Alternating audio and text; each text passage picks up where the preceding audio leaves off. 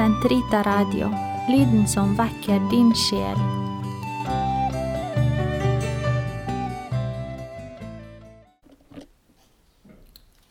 Den katolske kirkes katekisme, uke 14, torsdag, paragraf 1271 til 1284. Kirken kristen enhets sakramentale bånd. Dåpen utgjør grunnlaget for fellesskap mellom alle kristne, også med dem som ennå ikke har fullt fellesskap med den katolske kirke. De som tror på Kristus og har mottatt gyldig dåp, settes nemlig dermed inn i et visst fellesskap med den katolske kirke, om dette enn ikke er fullkomment. De som rettferdiggjøres ved troen i dåpen, blir innlemmet i Kristus og bærer derfor med full rett kristennavnet, på samme tid som de med like god grunn betraktes som brødre i Herren av den katolske kirkes barn.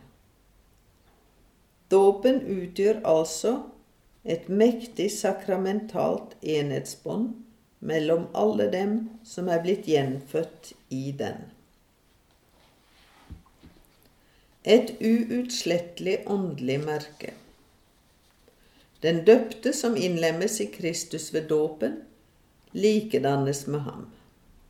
Dåpen besegler den kristne med et uutslettelig åndelig merke, karakter på hans tilhørighet til Kristus.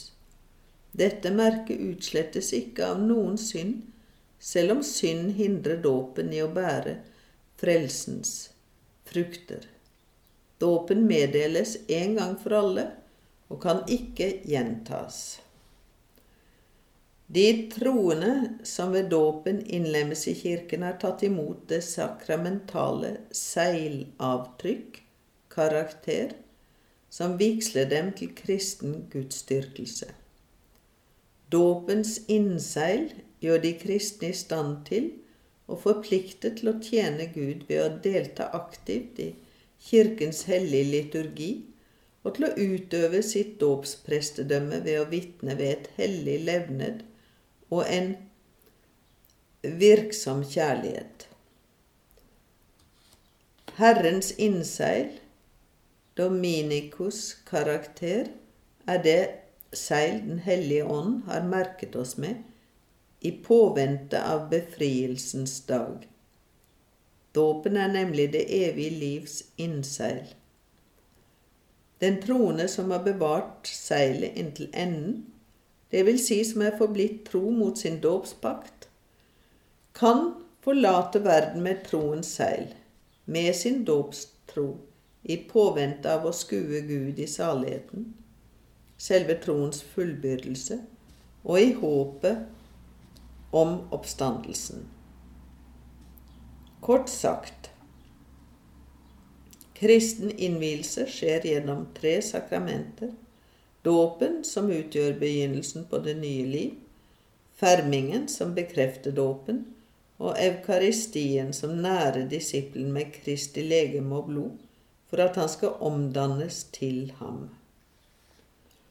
Dra derfor ut og gjør alle folkeslag til disipler, ved å døpe dem til Faderens og Sønnens og Den hellige ånds navn, og ved å lære dem å overholde alt det jeg har befalt dere.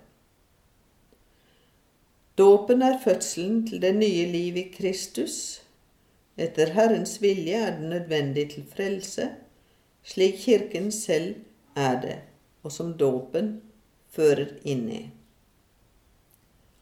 Den vesentlige dåpsritus består i å dykke dåpskandidaten ned i vannet eller i å helle vann over hodet idet man påkaller den aller helligste treenighet, det vil si Faderen og Sønnen og Den hellige ånd. Dåpens frukt, eller dåpens nåde, er en mangfoldig virkelighet som innebærer tilgivelse for den opprinnelige synd og alle personlige synder, fødsel til det nye liv hvor mennesket kommer i barns sted hos Faderen, blir innlemmet i Kristus og blir et tempel for Den hellige ånd. Ved dåpen blir den døpte samtidig innlemmet i kirken, Kristi legeme, og får del i Kristi prestedømme. Dåpen preger inn i sjelen et uutslettelig åndelig merke, et seilavtrykk, karakter, som vigsler den døpte til den kristne religions gudsdyrkelse. På grunn av dette merket kan dåpen ikke gjentas. De som dør for troen, katekumenene, og alle mennesker som drevet, som drevet av nåden og uten å kjenne Kirken, oppriktig søker Gud og forsøker å gjøre Hans vilje, blir frelst selv om de ikke har tatt imot dåpen.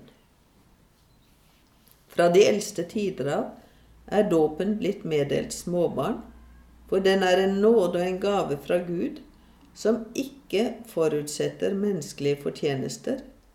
Barna blir døpt i kirkens tro. Inngangen til det kristne liv gir adgang til den sanne frihet.